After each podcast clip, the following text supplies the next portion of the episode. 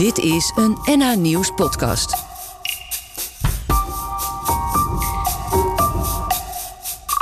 Die ene keer dat ik naar de spoed moest, omdat ik mijn kindje niet meer voelde. En ik zat daar in de wachtkamer bij de vrouwenspoed, want zo heet dat. En er zat een plakkaat op de muur dat er alleen maar vrouwen mochten zitten op die bankjes. Want het was voor de vrouwenspoed. En ik dacht, ja, en ik dan? Ik ben zwanger, ik zit hier voor mijn kindje. Ik heb stress, want ik voel mijn kindje niet meer. Ben ik wel welkom? Of word ik straks weggestuurd?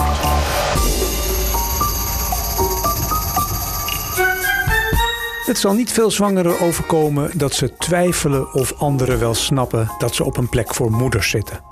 Maar ondanks zijn zwangerschap is Ryan geen moeder.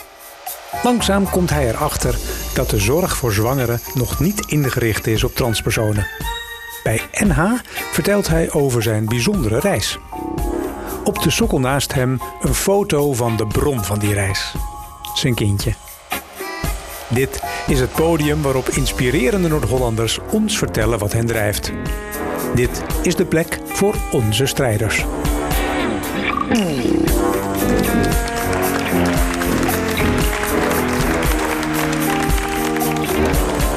Toen ik een jaar of acht was, zag ik voor het eerst de film Tarzan.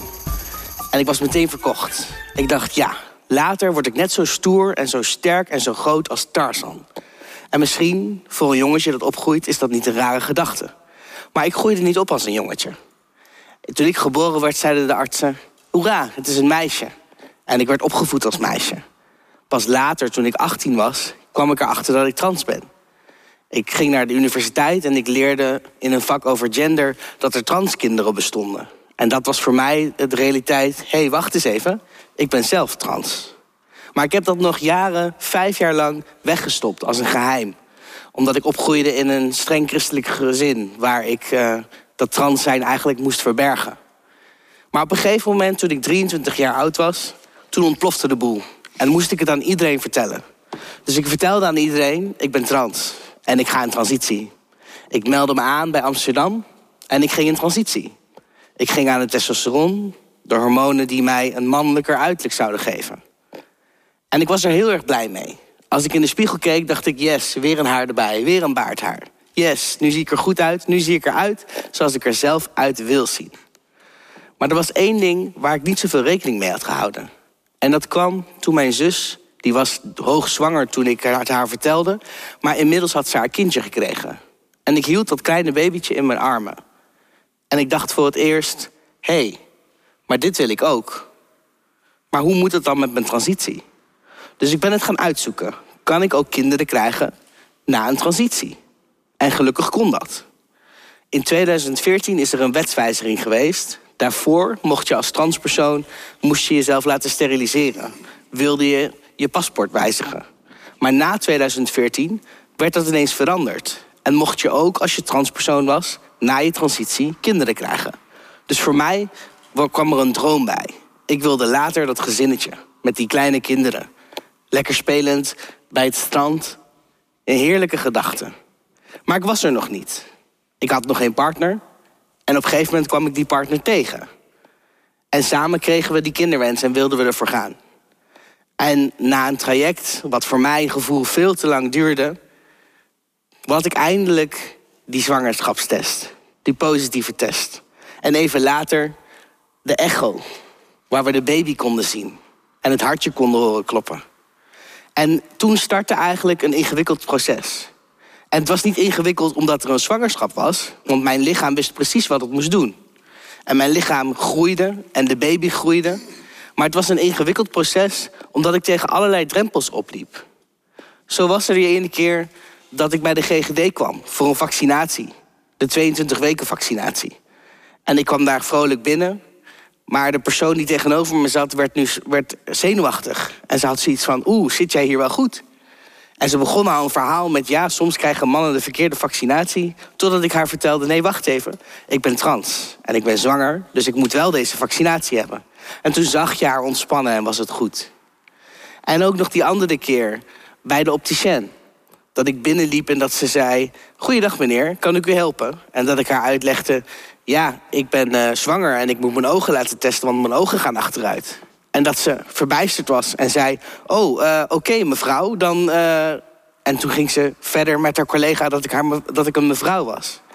Het verwarde haar. En ook die ene keer dat ik met de spoed naar de spoed moest, omdat ik mijn kindje niet meer voelde. Een stressvolle situatie. En ik zat daar in de wachtkamer bij de vrouwenspoed, want zo heet dat. En er zat een plakkaat op de muur dat er alleen maar vrouwen mochten zitten op die bankjes. Want het was voor de vrouwenspoed. En ik dacht, ja, en ik dan? Ik ben zwanger, ik zit hier voor mijn kindje, ik heb stress, want ik voel mijn kindje niet meer. Ben ik wel welkom of word ik straks weggestuurd? En zo heb ik nog vele situaties gehad waarvan ik dacht: de zorg is eigenlijk niet klaar voor transpersonen. Vooral de geboortezorg is niet klaar voor transpersonen. En toen ben ik daar iets aan gaan doen. Allereerst heb ik een documentaire laten maken, Ryan is zwanger, over onze zwangerschapsreis. Ook ben ik een boek gaan schrijven, hoe ik baba werd, over transpersonen en alles wat erbij komt kijken bij een zwangerschap. En wat ik ben gaan doen is inclusieve geboortezorg-workshops gaan geven. En waar we het over hebben tijdens die geboortezorg-workshops is bijvoorbeeld over de taal. Meestal hebben ze het over moeders en over zwangere vrouwen. Maar je kan het ook hebben over zwangere ouders. En ook over welke vragen stel je wel en welke vragen stel je niet. Soms een vraag over of je operaties hebt gehad of dat je nog operaties wil, is misschien helemaal niet relevant als je daar ligt te wachten op jouw echo. Sommige dingen kun je beter gewoon even googlen. Gebruik niet de persoon die daar ligt als jouw persoonlijke Google, maar ga lekker even thuis typen. En dat soort dingen bespreek ik in die uh, geboortezorg-workshops. Maar ook in de bredere maatschappij zien we dat de maatschappij er eigenlijk nog niet helemaal klaar voor is. En dat er nog wat dingen moeten veranderen. Zo was het toen ik vroeg om geboorteverlof, dat het mij niet werd gegeven omdat het systeem er niet klaar voor was. Het systeem stapte niet dat iemand met een M in het paspoort daarom vroeg.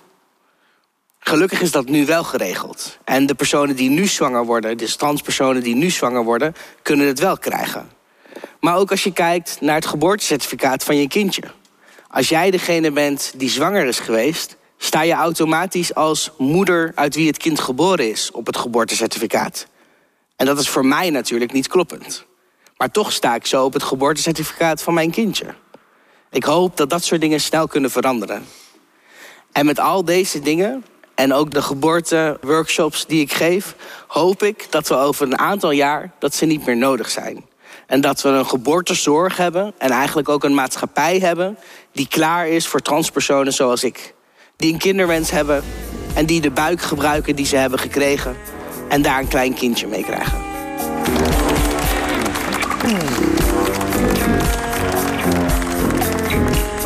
Dit was de laatste strijder van de serie van voorjaar 2023. Maar Noord-Holland is nog lang niet uitgestreden.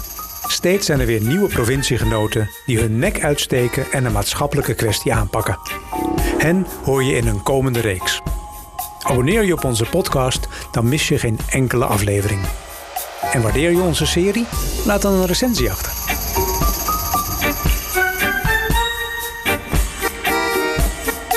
Dit was een NA Nieuws podcast. Voor meer, ga naar nanieuws.nl slash media of de NA Nieuws app.